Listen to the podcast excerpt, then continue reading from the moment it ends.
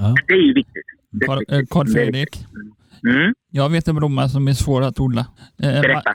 ma- eh, majblomman. Majblomman. Jaha du, just det. den, den som man har på sig.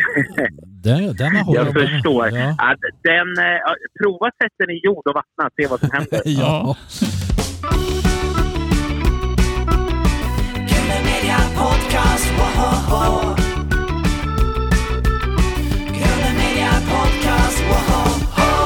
Välkommen Karl Fredrik till Grunden Media Podcast med mig Karl Magnus Eriksson och Erik Jensen. ja, Tusen tack! Ja. Tusen tack för den. Vi, vi bugar och tackar för att du vill Ja. vara med och prata lite med oss här. Direkt från Nice, ja, sägs det. Ja, men så är det. Nu, nu när jag sitter och talar med er så sitter jag också eh, i solen här på torget, Kode Saleja. Måndagar är det antikmarknader. Jag har Petter bredvid mig. Ja. Han kan säga hej kanske. Hallå Petter! Hej, hej! Hallå Ni hör Petter. Petter säga hej där. Ja, vi får hälsa Petter välkommen Ja. också. Ja. Ja, nu tror jag inte, nu eh, kanske ni inte har det med där, men, men han hälsar så gott här och Ja. Så det går ingen nöd på oss på något sätt. Tvärtom, det är Ja, bara roligt att perfekt. sitta här och prata med. Mm, mm, Det mm. gläder oss. Ja, vi, Ja. sa, vi sa just det, vi hade ju Stefan Lillövers Johansson på, på länk från, eh, också från Frankrike, franska Ja. rivieran här. Så. Ja, det är fint att få bli lite... Det var det ny, nyli- nyligen det också. Mm. Ja, det var i somras, sen sände vi den, eh, det är vår senaste Mm. podd som ligger uppe nu tror jag. Så, mm. kan gå in och lyssna Den på det måste sen. och lyssna på. Ja, Mm. Ja. men spontant så här, varför, varför väljer man Nice när det är så vackert på Österlen? Undrar vi. Värmen. Ehm, det, so- solen och värmen, absolut. Det är jättevackert på Österlen och vi bor mitt i eh, paradiset, definitivt. Men du vet, allting, eller ni vet att allting blir ju... Man blir kanske lite hemmablind till slut. Vi hoppas och tror att vi uppskattar Österlen och ser eh, det vackra i varje årstid och det vet jag att vi gör. Mm. Men lite så här är det oavsett vad man jobbar med eller vad, vad, vad man bor. Och vi har ju jobbet eh, där vi bor också. Det är lite Ja. speciellt på gott och ont, mest på gott såklart. Och då behöver man komma ifrån det och tanka ny energi och få nya miljöer och intryck och komma iväg tillsammans en del. Alltså det, det, det känner vi. Och då, då älskar vi Nice och franska rivieran och nu när man får ut och resa igen, även om man ska vara varsam såklart och allt det där. Så, eh, och vi är såklart fullt vaccinerade. Så kände vi att nej, men nu vill vi åka Ja, ja, till. Rivieran.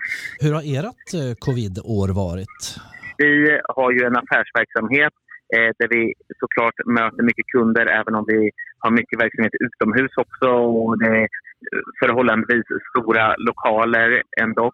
Eh, så har det fungerat väldigt, väldigt bra. Peppar, peppar, ta i trä. Mm. Att eh, eh, vi, eh, vi, familjen och personalen har hållit sig väldigt friska. Och, eh, det, har ju varit en tid som har varit orolig för många och inte minst såklart för alla de drabbade Ja. och de som jobbar extra hårt inom sjukvården och så. Och våra tankar går ju till dem och all stöttning och så. Så att vi, vi har klarat oss oförskämt väl och det är vi väldigt tacksamma över. Ja, ja det är skönt det. Eh, Vill du presentera dig själv för lyssnarna i vår podcast? Eh, Jag heter Karl Fredrik Gustafsson och jag kommer från Örebro. Det går aldrig, jo det går alltid brukar jag säga, Eh, i Nälldältet, Närke. Underbart. Eh. Underbart! Ja, oj, oj, oj. Eh, där är jag uppväxt och född. Eh, sen är jag eh, utbildad, utbildad florist och trädgårdsmästare. Eh, och har bland annat jobbat i Oslo för Norska kungahuset och Petter Stordalen. Jag var inte anställd av Norska kungahuset utan jag jobbade i en butik som heter Oslo, inte Flora Oslo, Storgatans blomster som hade alla de här uppdragen, Nobels fredspris och Mm. Petter Stordalen både som privatkund och företagskund och, och kungahuset och så. Och sen, eh, ja vad har jag gjort mer? Jag har eh, Vilka- drivit butik i Örebro, Västerås och så hamnade jag nere på Eklaholm och Österlen och jag träffade Petter i Malmö. Så Ja. på den vägen är det väl. Mm, mm, mm. Ja, alltså vilka uppdragsgivare så här i, i början av karriären får man säga då? Kungahuset. Ja, men det var det ju verkligen i början av karriären. Jag förstod nog inte hur stort och bra det var, men eh, idag gör jag det och bär med mig väldigt mycket av, eh, av de erfarenheterna såklart. Mm. Nu när Petter Stordalen bygger så många hotell, då kan du ju inreda dem med blommor. Ja, Absolut. Får jag frågan så tackar jag inte nej. Och det var ju precis det vi gjorde på den tiden. Inredde dels hans privata hem med mycket blommor och sen så kontor och och hotell med för den delen. Mm. Mm. Eh, Hur ser en vanlig vecka ut för dig annars? En vanlig vecka, den är väldigt varierande. Mm. Jag skulle kunna säga så här. Det jag skulle vilja, eller önska att en vecka ser ut, det är nog att jag eh, river av en del eh, eh, telefonsamtal och mejl och annat. Eh, Måndagen i början av veckan, precis som idag. Nu är inte det här jag gör med er och riva av någonting, tvärtom. Det är jätteroligt. istället. Ja. Ja, jag menar det. Ehm, Men, men eh, sen, sen så startar jag också igång butiken och går igenom mycket i veckan med mina medarbetare. Mm. Eh, ser till att vi har koll på varuflöden och eventuella kampanjer eller vad vi nu vill. Sen skulle jag nog känna så att på tisdagen då vill jag bara gå runt och dröna min morgonrock med en kopp kaffe. Ja. I alla fall på morgonen. Och bara njuta ja. och ta in.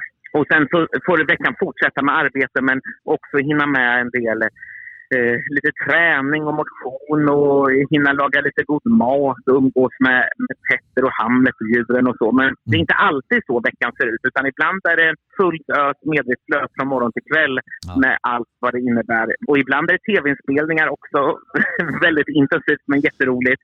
Så att veckorna är liksom inte riktigt lika eller säger varandra lika. i alla fall. Mm. Eh, Hur går det till när du spelar in ett tv-program?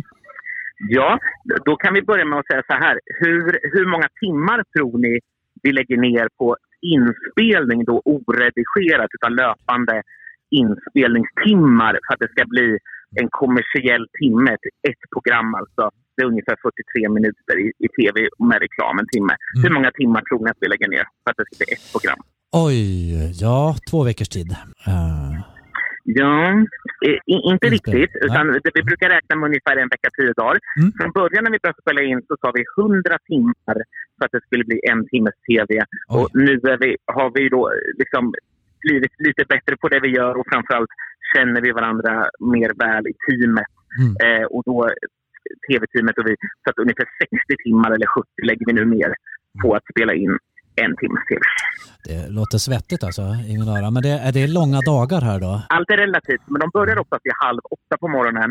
Eh, då jag, eh, eh, de vill möta mig i morgonrock och kopp kaffe, eh, Mm. gå runt i trädgården eller sitta på tappen till köksträdgården eller något sånt.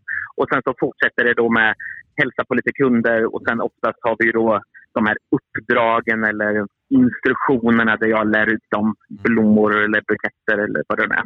Så ungefär 12 timmar om dagen brukar det vara. Mm. Vilken säsong är du inne på nu, det här Ekelaholms-serien? Precis. Vi spelar in säsong tre eh, och är nästan klara med det. Vi har sista avsnittet kvar i säsong tre. Eh, det har sänds två säsonger på tv. Våren, vad är det för, nu är det vid 2021, så till våren 2022 blir tredje säsongen. Så um, våren 20 var det ju då säsongstart och så våren 21 här nu tidigare i år så var det säsong två och så är det premiär för säsong tre någon gång under våren Mm. 2022 här till våren. Mm. Känner du att det liksom har genomgått en, eh, så att, säga, att det är en organisk idé som utvecklas hela tiden så här, och att eh, man vill tillföra någonting varenda gång? Liksom. Det är klart att eh, vi vill det. Att Det krävs på något sätt. Alltså tv-tittarna är ganska kräsna, eh, vilket de bör vara. Man vill inte se något dåligt på tv. Man vill bli underhållen. Mm. Man vill lära sig något, tror jag. Ja. Mm. Och, och så vill man att det är vack- vackra miljöer och fint foto och så. Mm. Är det inte lite så också? Jag, jag tänker att eh, tittarna vill att det ska hända någonting också. Det, det behöver vara någon, någon liten liksom story som... Jo, men så är det väl såklart. Det är därför det är mycket tävlingsprogram oavsett om det är Mm. mat, bakning eller utrustning eller Mm.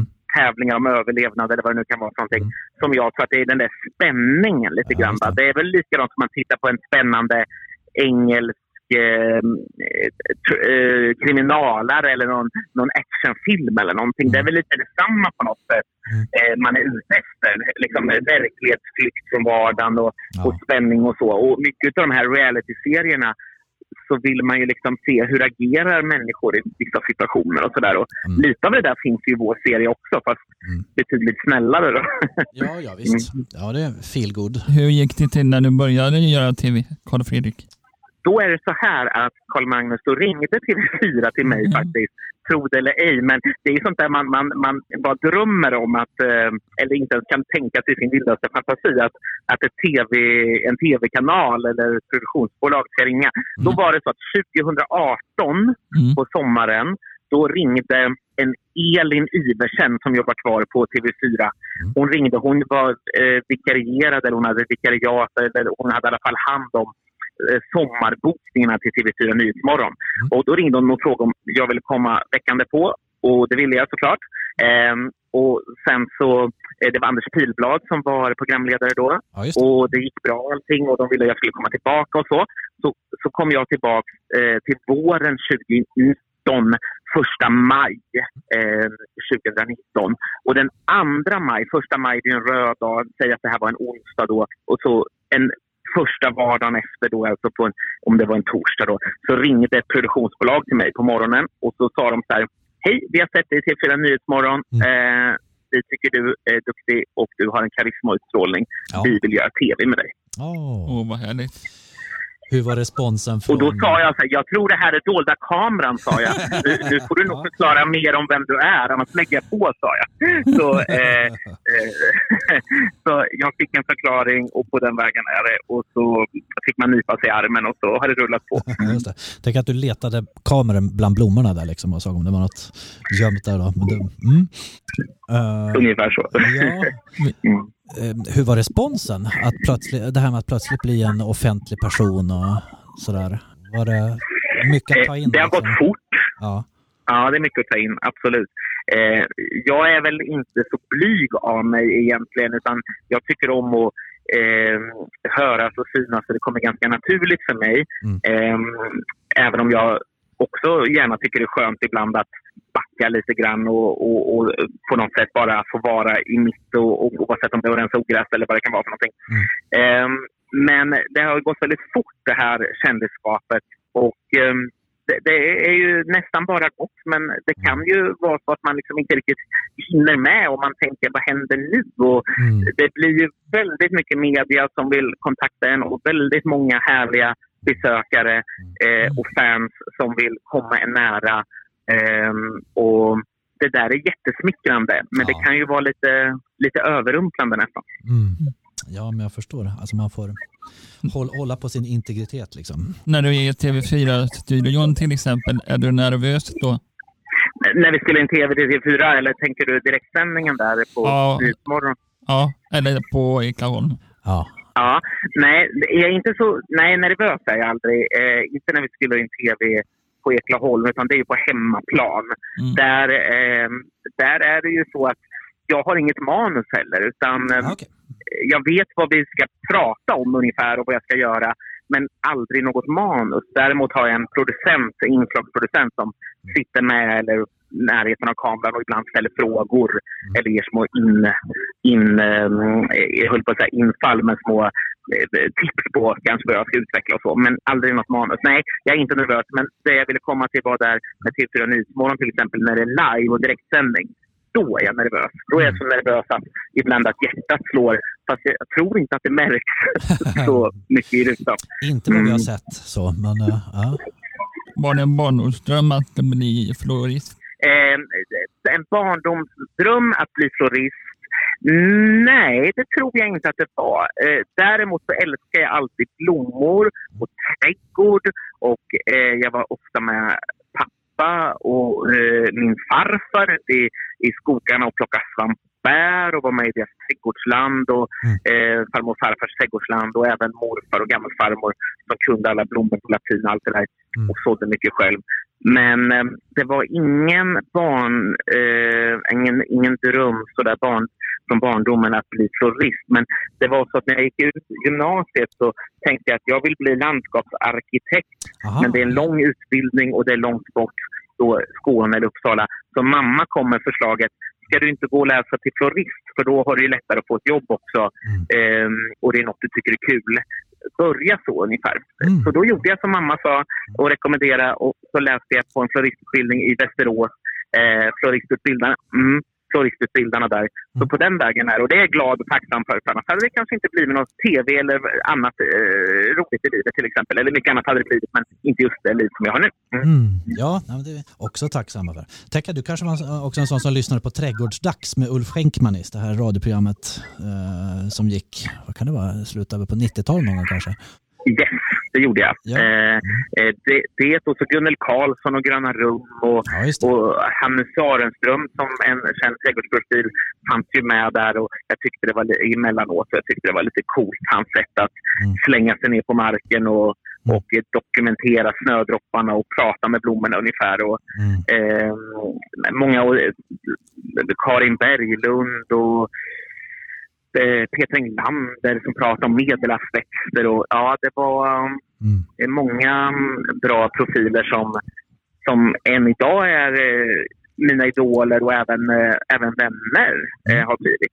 Så um, ja, Jag tänker också på alltså, Skåne, TV och trädgård. Då tänker jag osökt på Bertil Svensson. Han hade väl också trädgårdsprogram? de har ju gått i repriser, hans Ja. trädgårdsprogram. Och det var väl en gång han skadade sig va? Och, eh, Ja. eh, det var ju, det visste man inte skratta åt, men det var ju lite hur han hanterade det vet jag. Och, Ja. och, och sådär. Och bara, Ja, ja, ja. ja. Mm. Jag vet inte, alltså, det är liksom fr- frågan om det är en myt det där, för det är ju Robert Gustafssons parodier man kommer ihåg. Men jag, jag har faktiskt sett det inslaget där också. Och Ja. jag tror att han liksom, eh, han eh, stoppar nog den tummen i munnen ungefär. Ja, om han just det. tar sig. Och, eh, det blev väl kanske omplåstrat så Mm. förhoppningsvis. Jag vet inte om det där var... Eh, det, det borde ju inte ha varit direktsändningar, men det kanske var i något klipp någon gång och sådär. Men, eh, det, det, men ja, jag, hoppas han har läkt idag i alla fall. ja.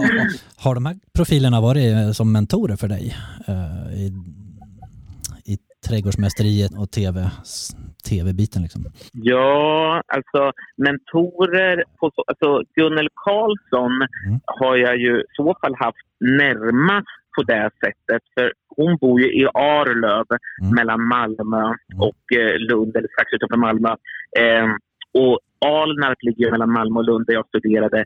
Började studera till landskapsarkitekt. Jag gick fem terminer, så det blev så till slut att jag började studera till landskapsarkitekt. Och det var ju det som tog mig ner till Skåne och gjorde att jag träffade Petter och vi köpte Eklaholm och så. Ja. Ehm, men, men då vill jag säga att då var jag eh, emellanåt i Gunnels trädgård och vi satt där och drack en kopp kaffe och pratade om livet och hon gav tips och råd och så. Så att det är väl den närmaste mentor på det sättet i så fall. Men det är klart att jag har inspirerats och sett upp till, till många utav, eller alla de här härliga trädgårdsprofilerna mer eller mindre för att det, det är ju inte så stort. Alltså trädgård har ju blivit allt större men när jag växte upp då var det fortfarande absolut att man skulle växa löv och plantera tagetes ungefär. Men inte det här som det är idag. Va? På, det, har ju, det är ju mer som en, en konstform och det är ju något folkligt över det också. Verkligen. Eh, och det är ju en sorts eh, terapi också. Alltså, mm, så, Det finns ju forskning på det som visar att eh, trädgårdsarbete och att man, när man jobbar med det levande och Mm. växande Ehm, så finns det någonting som frigörs inom oss människor. Att det ligger så djupt rotat i att odla och ta hand om saker och, Mm. och naturen. Att, Mm. att, det, att det gör att vi mår bra av det helt enkelt. Ja, det, det finns ju något som heter grön rehab. Man kan skriva ut detta på recept, om jag förstått rätt. Eh, folk Ja. som är utbrända och får jobba i trädgårdar. Liksom. Mm. Precis. Och nu, nu är inte jag jätteinsatt exakt hur, hur det ordineras och hur, vilka förutsättningar som ska finnas och så. Men absolut så, så är det så att Eh, man kan få det ordinerat eh, både trädgårdsarbete och att vara ute i naturen. Jag tror att är man riktigt eh, stressad och, och utbränd kanske och mår dåligt så, så tror jag att naturupplevelserna och det avskalade är kanske en väldigt bra början. Samtidigt så tror jag att en väldigt eh, stressad person kanske kan bli ännu mer stressad av att Mm. det bara är helt plötsligt tyst och lugnt. Så att få göra någonting, att få skapa och få göra någonting med sina händer samtidigt utan allt för stora krav utan bara få vara i det och, lä- och lära sig något nytt fast på ett väldigt basic nivå eller få göra någonting som man, de flesta kan, rensa ogräs till exempel eller klippa rosor eller vad det kan vara Mm. eh, med lite instruktioner. Det, det, det tror jag och det vet vi ju från forskning att det är väldigt välgörande. Eh, När du åker bort nu i värmen och eh, du har ju så stor gård på Österlen. Vem tar hand om alla dina växter på gården? Jag har ju har ju väldigt, det är en bra fråga, definitivt. Eh, jag och Petter har ju eh, väldigt mycket duktiga medarbetare, även om det var jag som startade allt från början och Petter alltid såklart har funnits med och, och stöttat och nu jobbar för fullt och mer än heltid i företaget. Så, så är vi ju idag så pass stora eh, med vår växtförsäljning och alla aktiviteter och inredning och, ehm, och så att vi måste och vill ha duktiga medarbetare, vilket vi också har. Så att nu är Lena till exempel, hon bor kvar på gården och tar hand om våra katter, Leopold Mm. och eh, JC och vår hund Hamlet. Eh, han är kvar hemma med Lena. Eh, det blir lite för lång resebil för honom att följa med hit ner. Ja. Och sen eh, eh, matar hon fiskarna också. Det är ett nytt projekt ni får se i säsong tre. Aha, att vi ja. har eh, bygger en fisk, vi får vi en cliffhanger där. En fiskdamm i köksträdgården. En skuggdamm. Mm. Då ska vi inte spoila något, något i förväg. Nu ser jag karpar framför mig. Ja. Jag, vi får se helt enkelt. Ja. Ja. Ja. Vad härligt. Skulle det kunna vara. Ni får se. Ja. Mm. Eh, eh, det, det är eh, lite fiskar från våra vänner Mandelmann bland annat. Ja. Mm. Mm. För det, är- det är Mm. väldigt mycket att vattna, i, vattna på din gård när, du- när du är borta, tänker jag. Det är mycket att vattna, ja. Ja, det är det definitivt. Men då är det, då är det så här att vi har en kollega som heter Ann. ehm, och en av hennes huvudsakliga uppgifter är att under växtsäsongen, när det behöver vattnas, Ja. är att vattna. Sen så gräver hon vatten, hon planterar och hon fixar och donar. Men en av hennes huvuduppgifter är just att sköta eh, vattningen. Eh, det är ju så att idag, inte bara just idag, men eh, numera så eh, Petter och jag, jag skriver på min bok nu när vi är här nere. Aha. Och eh, Petter och jag har mycket uppdrag. Vi hjälper andra med allt från bröllop till trädgårdar. Och det är mycket eh, så här, radiointervjuer som vi gör nu och Mm. inför tidningar och tv och så. Så att jag måste säga att eh, när jag har tid att vattna så blir jag glad. Mm. För då, eh, det är något som jag tycker är väldigt härligt och roligt. Och det är klart att jag vattnar framförallt sommartid. Så vattnar jag säkert lite varje dag. Men utan Anns hjälp, då hade det inte gått bra. Så all eloge till Ann. Ja, just det. Vi har en ateljé här på jobbet så du är välkommen hit på kaffe och te. Och vattna tror jag du skulle säga. Ja, och vattna. Ja, men ha, Vattna våra Gud, vad roligt, det vill jag ja, göra. Och kanske, alltid man, välkommen. kanske ni har några akvarellpennor eller någonting också så, så Ja. kan vi eh, måla lite eller, på, eller hitta på något roligt. Gärna det. Mm. Ja. Du är alltid välkommen hit till Stigbergsliden när du har vägarna förbi. Så kaffet står ständigt på. Eh, Oj, vad härligt. Podcast, woho!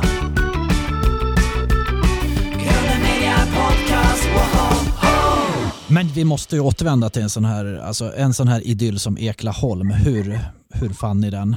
Det kän, måste kännas som att hitta hem liksom. Eh, Ja, men absolut. Alltså, Petter är uppväxt på landet, på en hästgård i Småland. Och jag är uppväxt eh, till stora delar på landet utanför Örebro i Närkesyd. Och hade alltid närheten till landet, även om vi första åren i mitt liv bodde i ett radhus. Men då var det trädgård och närhet till natur där också. Eh, så man kan säga att vi är lite lantisar eh, i själen. Eh, och det är ju härligt att, eh, att, att få vara där. Eh, och då, då kände vi att när vi träffades i Malmö och hade varsin lägenhet där, jag pluggade, Petter jobbade på Lantmännens huvudkontor där med IT och affärsutveckling, så kände vi att eh, vi vill ha ett, ett litet ställe.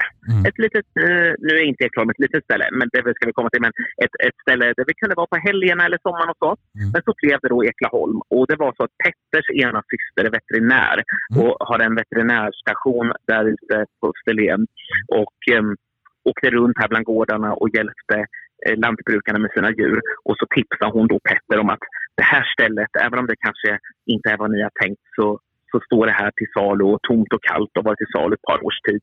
Mm. Så att ni kanske kan få ner priset lite. Och på den vägen är det. Så ringde vi mäklaren och så bad vi att se en visning. Och, och, och så sa vi att oj, vad det här är spännande. Mm. Men det behövdes lite arbete där för att få gården i ordning har jag förstått. Definitivt. Ehm, definitivt. Definitivt. Det var varken el, vatten eller värme som fungerade.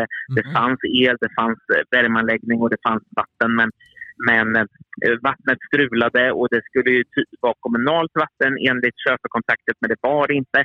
Vi har flera pumpar och brunnar på gården och, det- och det är bra, inte minst på grund av vattningen med eget vatten och så. Men eh, just där och då så fungerade inte det. Och värmen slutade fungera. Det blev någon kortslutning eftersom det är hopkopplat med Ah, ah. grannfastigheten. Och, eh, det, det var mycket som hände där i början och så tänkte vi, jag och Petter, har vi gjort vårt livs största misstag? Mm. Eh, men så var det ju inte. Men eh, det har krävt mycket jobb. Och i början då, då hade vi liksom inte möjlighet att anlita några dyra hantverkare utan Nej. självklart elektriker och så. Men eh, så mycket vi kunde göra själva gjorde vi själva i början. Om du inte jobbade med blommor, eh, vad skulle du jobba med då? Om jag inte jobbar med blommor, ja. Det som ligger väldigt nära till hands är ju, eh, är ju då inredning och aktiviteter som jag till viss del jobbar en del med idag också. Med Ja. inredningar där man- växter är viktiga, blommor är viktiga, men där man ändå har en annan, en annan bas och grund också. Eh, jag hade kanske fortsatt mer med det eh, och utvecklat mig mer mot eh, inredning och aktiviteter. Jag kanske hade försökt att lära mig mer om aktiviteter och gå någon utbildning eller bara lära mig av duktiga folk, duktigt folk i branschen. Eh, mat älskar jag. Eh, mat och dryck av olika slag. Allt från kaffe som jag eh, dricker mycket av varje dag till, till ehm, ehm, ett, ett, eh, gott glas vin till exempel. Vi har ju tagit fram ett eget bubbel och så. Eh, jag kan berätta mer om det. Det kommer, eh, vi kommer lansera en ny, en ny produkt på samma tema här under hösten. Men eh, så att antingen, jag, tycker det eh, hänger ihop allting på något sätt. Mm. Blommor och växter, det goda i livet både med, Mm. eh, med, med mat och dryck och få odla och skapa och det, skönhet i form av då eller inredning och växt. För mig är det som en slags enda salig, härlig, god gryta. Ja. Livsnjuteri låter det också som. Ja. Ja. Nästan som eh, Steffo på Ja. TV4. Ja. Jag är lite som Steffo på TV4. Ja. Det är också Ja. livsnjutande. Ja. Ja. Det är nog så. Ja, det är nog så. Mm, mm. Vilket är den vackraste trädgård du har sett? Ja, och det, behöver inte vara den mest storslagna eller den största trädgård som är den vackraste. Men jag tycker att skönhet hänger också ihop med eh, vad platsen förmedlar. Eh, sinnesstämningen och hur det, hur det hänger ihop med kanske den byggnaden, om det finns en byggnad, om man, ett bostadshus eller vad det nu är för någonting. Mm. Och då, då har jag lite, då kanske jag skulle vilja ge eh, eller säga åtminstone två trädgårdar. Då är det en i England som heter West Dean Garden. Eh, det är ganska storslaget. Det är gammalt viktorianskt, slut av 1800-talet Mm. med mycket fina gjutjärnsväxthus. Man odlar meloner och persikor och nektariner och man har stora köksträdgårdar och Mm. fantastiska blomsterträdgårdar och eh, pelargångar och dammar och landskap och allt vad det är för någonting som man har Mm. lyckats eh, tukta. Eh, det, den, där finns en sån otrolig kunskap, historia, rikedom, eh, odlarglädje utifrån det här klassiska. Det är fantastiskt att se. Och det finns en skola där också, både med musik, konst och, och trädgård. Eh, sen har vi en trädgård inte långt ifrån oss på Österlen Mm som heter Olas trädgård. Ola finns inte längre. Ola var jurist eh, och eh, samlade på träd och, och växter från världens alla hörn. Och Lena som har den trädgården idag, hon, hon släpper gärna in mig och Petter och ibland lite busslaster och sådär Ja. eh, som vill titta där. Och det, det är fantastiskt Mm. eh, gå runt där också. Det är, ehm, det är livsbejakande. Det finns tusentals julrosor på våren som blommar. Det är fina träd och formklippta buxbom, eh, klot och det är det här mystiska. Mm. Ni vet när man går in någonstans och man Mm. får lite, den här lite mystiskt. Tänk lite morden i Midsommar. Ja, det. Eh, Mm. det, det är vackert och mystiskt på en och samma gång. Mm. Ja, Mm. så, så är det. Mm. Norrviken ser jag är rätt fin också. Alltså Norrviken är ju så vackert. Jag håller med dig verkligen. Ja, jag, Verkligen. Jag har Eh, varit där. Underbar. Du har varit där. Var du där nu i somras när du var ute och reste eller Ja, var det tidigare? Eller? vi har ett sommarhus i Skåne. Aha, okej. Där- På den sidan, inte så, långt, eh, Mm. inte så långt därifrån kanske? Eller? Ja, i, i Skåne har vi ett sommarhus och jag var där i somras. Härligt. Ja.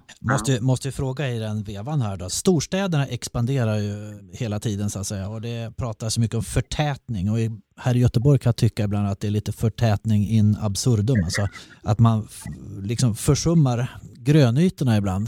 Ja, eh, jag förstår varför man tänker förtätning och att man känner att man behöver förtäta. Men desto viktigare när man förtätar är ju att man inte glömmer bort grönytorna. Alltså det, får ju bli, det måste ju vara gröna stråk även i städerna så att eh, insekter och växter och djur och fåglar kan må bra i städerna och människorna också. För Det var ju det vi pratade om tidigare, va? Att, Ja. att det gröna det är som stadens lungor och det får vi inte bygga bort. Och jag menar, ett, ett gammalt träd som har brett ut sig med rötterna innan det blev asfalterat.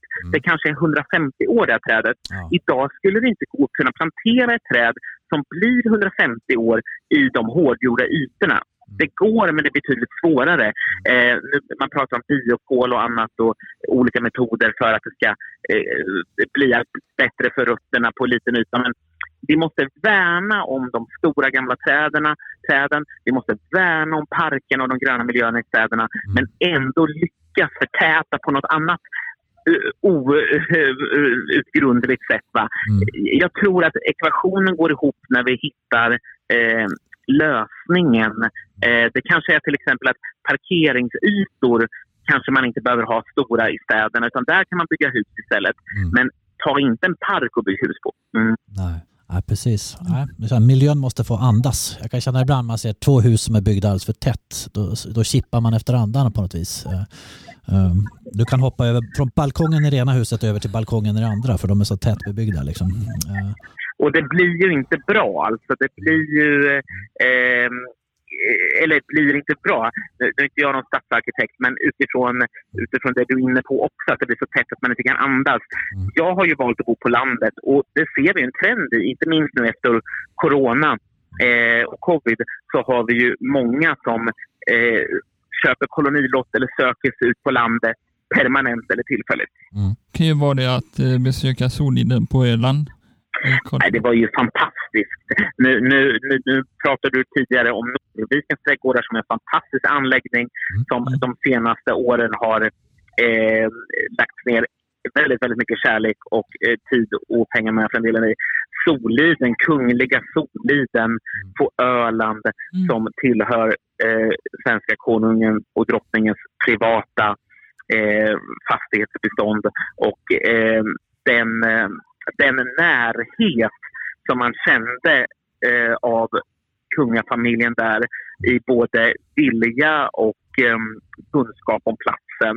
Det var fascinerande och alla medarbetare och duktiga trädgårdsmästare eh, bland annat slottsträdgårdsmästaren Anders där som tog så väl hand om oss och att vi fick äran att dekorera eh, och anlägga trädgård eh, runt de här växthusen där, eller orangerierna. Det var, det var wow. Mm, mm. Eh, vad sa kungen och drottningen när du träffade dem? Dels hade vi ju väldigt formellt möte Ja. när det var invigningen av de här eh, växthusen. Mm. Eh, och eh, vårt kallar, kallar jag för eh, växthuslivet för livsnjutaren. Och det hör ju ihop mycket med det här vi pratade om tidigare. mm. Eh, där var både drottningen och kungen väldigt nyfikna eh, av vad, vi hade planterat och hur vi hade tänkt kring det. Och eh, ja, eh, fascinerade och beundrade eh, det vi hade gjort där. Precis som jag vet att de gjorde med de andra fina växthusen där också. Och att alla hade, har ju sin stil. De, vi uppdragsgivare, bland annat Gunnel Karlsson, som, eh, eller vi som fick de här uppdragen, så att säga, bland annat Gunnel Karlsson där som vi också pratade om tidigare i, i, i poddavsnittet här. Eh, eh, det- var väldigt smickrande. Eh, det var väldigt roligt. Sen hade vi lite mer informellt möte på bland annat ett mingel som var kvällen innan invigningen. Mm.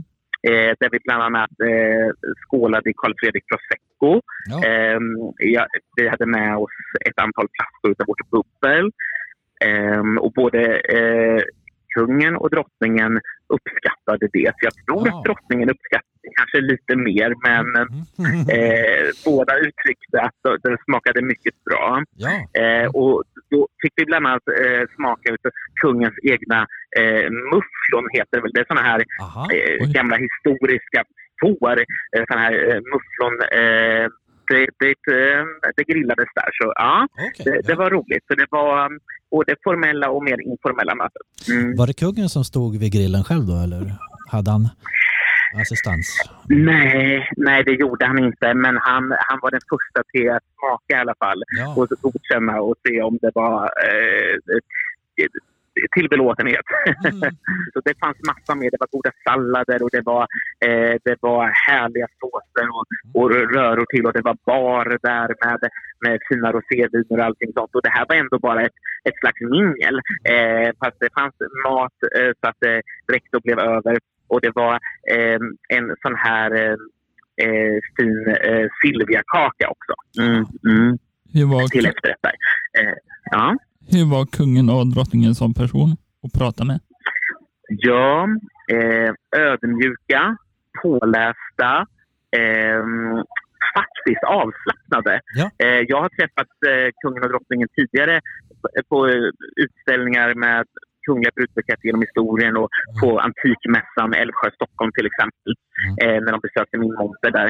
Eh, men man märkte att nu så var det mer semester även om Ja. eh, jag förstår att de alltid har eh, uppdrag och, och eh, någonting på gång så, så märkte man ändå att ja, men det här var, eh, de var i en stämning där de eh, trivdes och mådde extra bra och var avslappnade.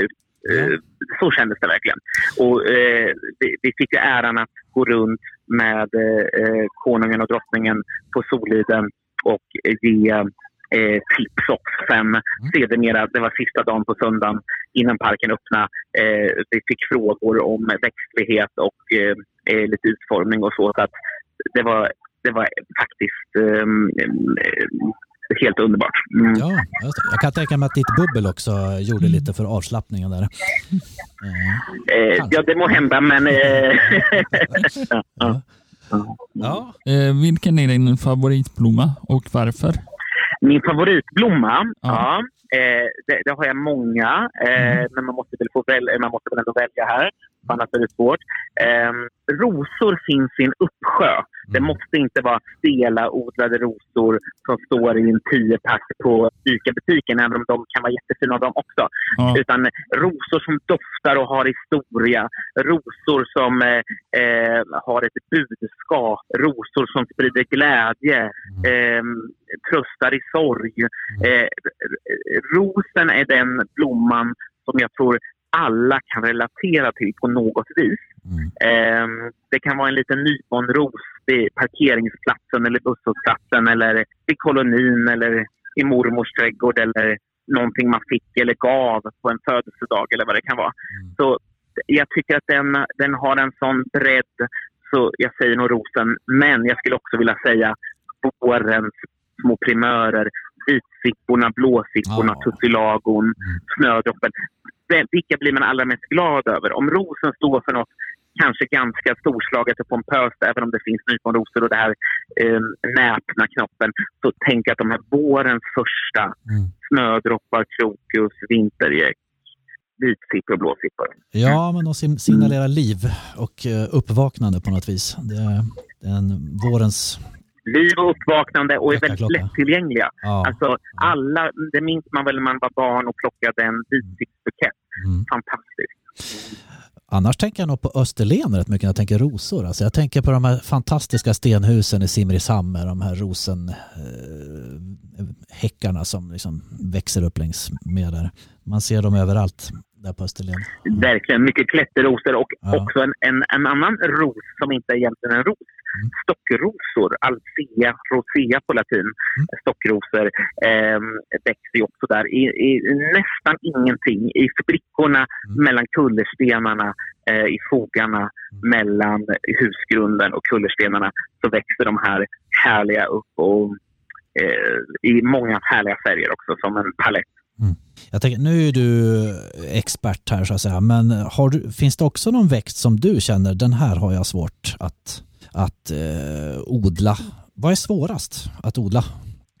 Ja, ehm, det är ju de gångerna man vill att en växt ska växa på en plats som man egentligen vet att det här är inte helt hundra rätt läge.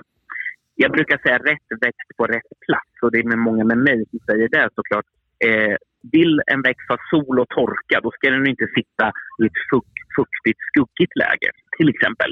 Utan det är de gånger man får för sig, eller jag får för mig att jag vill ha just den här växten på den platsen. Och det, jag vet med mig att det är inte helt rätt eh, läge. Vad kan det vara till exempel? Ja, men om vi tar rosen som exempel som vill ha eh, mycket näring, eh, mycket sol och värme.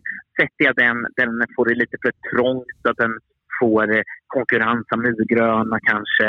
Eh, det är lite för skuggigt. Det kanske inte får riktigt rätt näring. Då vet ju jag med mig från första början egentligen att det här kommer inte riktigt lyckas. Eh, men det är klart att jag har massa utmaningar hela tiden. Eh, det är så man lär sig. Det är väl så med en kock eller en, en skräddare eller vad det är för någonting. Att ju mer man lär sig, ju mer inser man att hur stort yrket är och hur mycket man inte kan. Det tycker jag är ett ödmjukt sätt att se på det. Mm.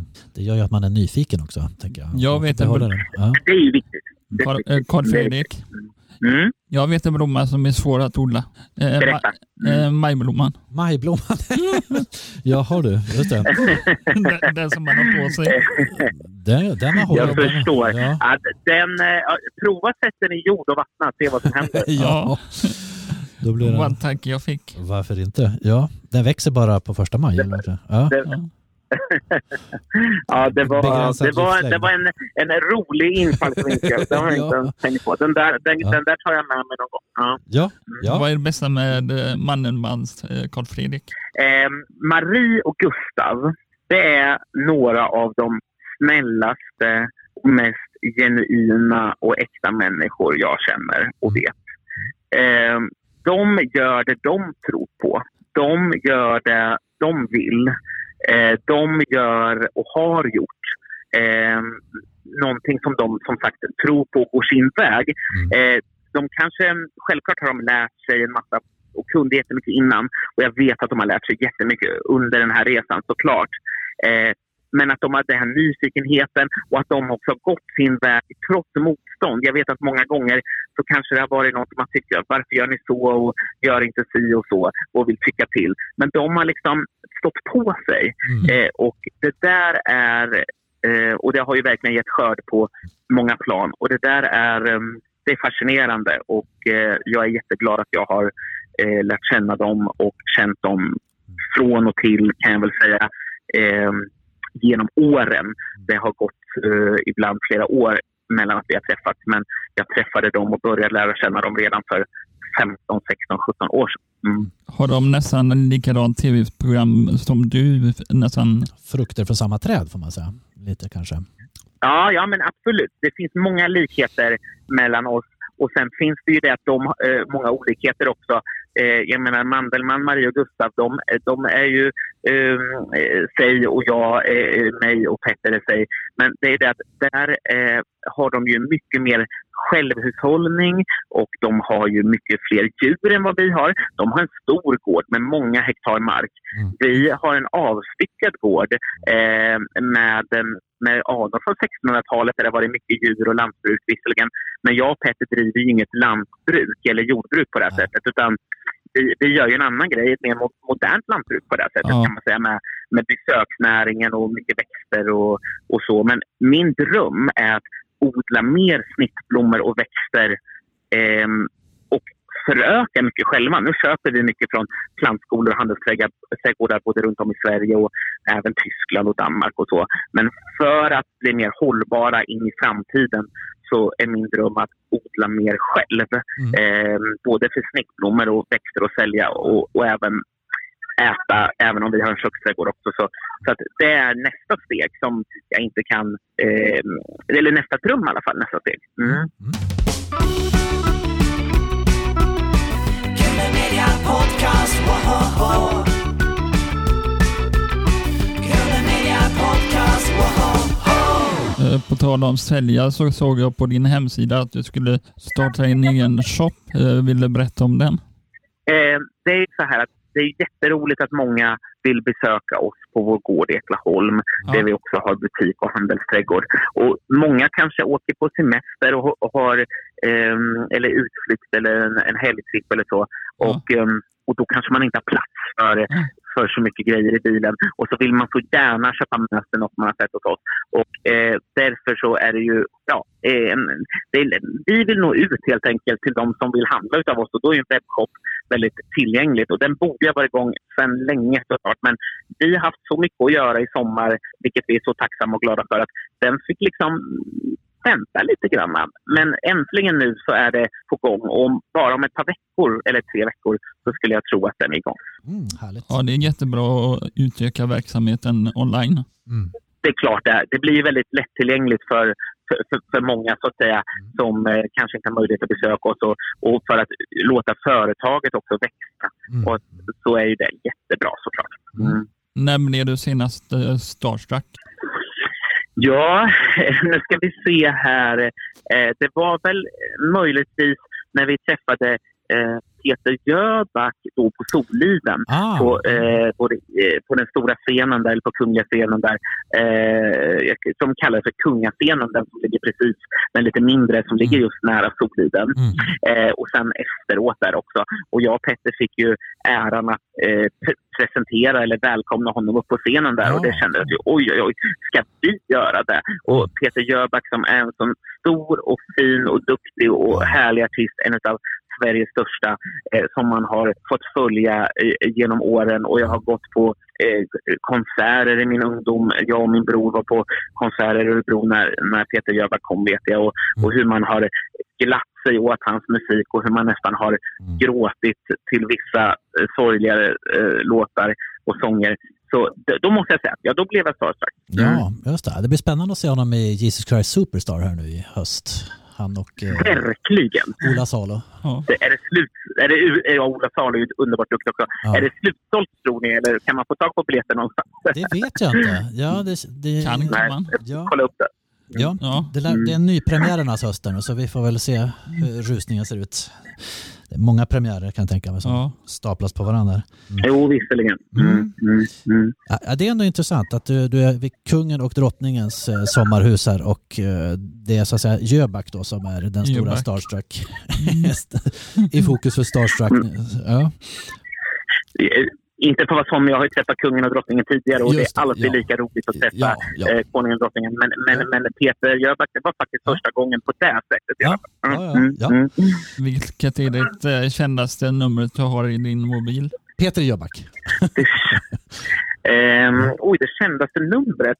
Ehm, jag vet inte. Nu senast hade jag sms-kontakt med Mikael Bindefeld till exempel. Vi ska åka till Italien tillsammans Oj, och ja. lansera vårt nya vin till exempel. Ja. Och det finns ju många, eh, utan att avslöja allt för mycket, så finns det ju såklart många Mm. eh, prominenta kunder och eh, artister och andra i, i min telefon. Men jag ska säga så här att alla är lika viktiga. Ja. Eh, det låter kanske klyschigt, men eh, oavsett eh, vem man är och hur lyckad man än är så, Mm. så är alla lika viktiga såklart. Men, eh, men det är roligt att eh, bland annat Jill Johnson kom ju förbi här nu i somras Ah, och eh, besökte oss i butiken och Bert Karlsson och Jonas Gardell. Och, Mm. ja, det är en hel uppsjö av trevliga människor. Mm. Åh, vad härligt. Han eh, Mikael Binderfeldt är väl också bra på blommor som du, Carl Fredrik?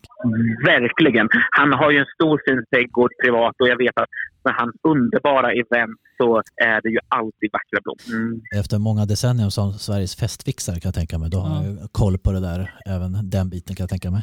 Ah. du pratar om ett vin här och det för oss in på frågan om framtidens eh, projekt här nu i höst. Eh, vad har du för nya projekt eh, på gång förutom vinet? Jag tyckte jag hörde om en bok också som du nämnde där. Ja, just det. Eh, I vår så kommer min första bok ut Mm. med Bonnier, Bonnier Fakta. Eh, jättefint och roligt att få samarbeta med dem. Eh, och eh, den här boken kommer eh, handla om blomsteråret på Österlen och Eklaholm och vara indelat i månadsvis och både med snittblommor och trädgård och framförallt mycket av min, mitt förhållningssätt till blommor och trädgård och många härliga tips Mm. och handfasta råd men eh, väldigt mycket inspiration också. Så jag hoppas hitta en nivå som läsarna tycker om där. Så det är Mm. precis det jag sitter och gör eh, när jag inte talar med er nu. Mm. Vi, eh, vi åkte ner till antikmarknaden och bara, oj, vi har antikmarknaden idag. Mm. Vi handlade en del förra måndagen också, för det är alltid på måndagar här. Och Mm. Petter bara, hur kunde vi glömma det? Bara, "Ja, men jag har ju min intervju klockan ett, men Ja. ja. då tar vi den på stan.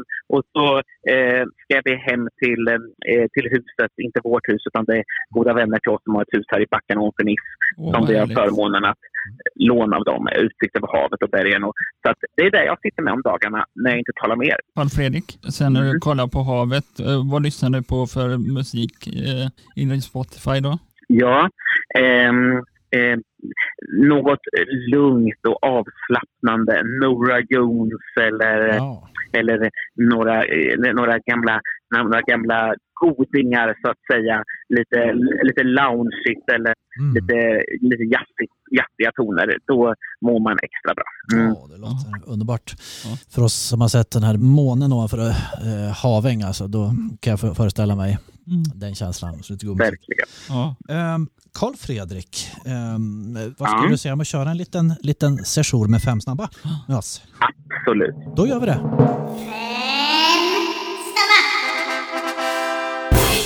Rosor eller tulpaner? Men, eh, ja, men jag sa ju rosor tidigare, men bara för det så säger jag tulpaner. Ah, Mm. okej. Österlen eller Örebro? Österlen. Morgonrock eller förkläde? Jag jag vill ju ha både och. Kanske inte Samtidigt. Först Ja. morgonrock och sen... Men annars, Ja. om jag bara ska välja då, eh, då, då kör jag morgonrocken. Mm. Mm. Ja. Blåklint eller maskros? Ja, ehm, maskros. Ehm, visste ni att det finns rosa och vita maskrosor faktiskt? Också? Jaså, Mm. det har jag aldrig sett. Ja. Vi lär oss Det, det finns, eh, men de är väldigt ovanliga. Det finns, eh, ja, det- knappt att de finns vilda. finns vilda på några ställen i Sverige, men annars är det odlade trädgårdsformer eh, som då inte sprider sig lika mycket. Eh, blåklinten är helt underbar ute, bara ute på fälten och fint i midsommarkransen. Men jag tycker att maskrosen, den blir man ändå glad av. Jag läste någonstans att blåklint det var din favoritblomma när du var liten. Var det så? Är det Jaha, ja, nej, men det tror jag var så att jag odlade blåklint då i Odlade? olika färger Ja, ja. Till, eh, till eh, eh, min mormor tyvärr som gick bort när jag var nio år. Mm. satt på hennes grav också. Så, att, eh, så det var nog det. det och absolut så är det en, en, en favorit på många sätt och vis också om, om jag får välja utav sommarblommor som kornvalm och blåklint och prästkrage och allt i midsommar. Men, men jag tycker ändå att maskrosen har sådana egenskaper. Det är en överlevare. Det Mm. finns då som man inte känner till.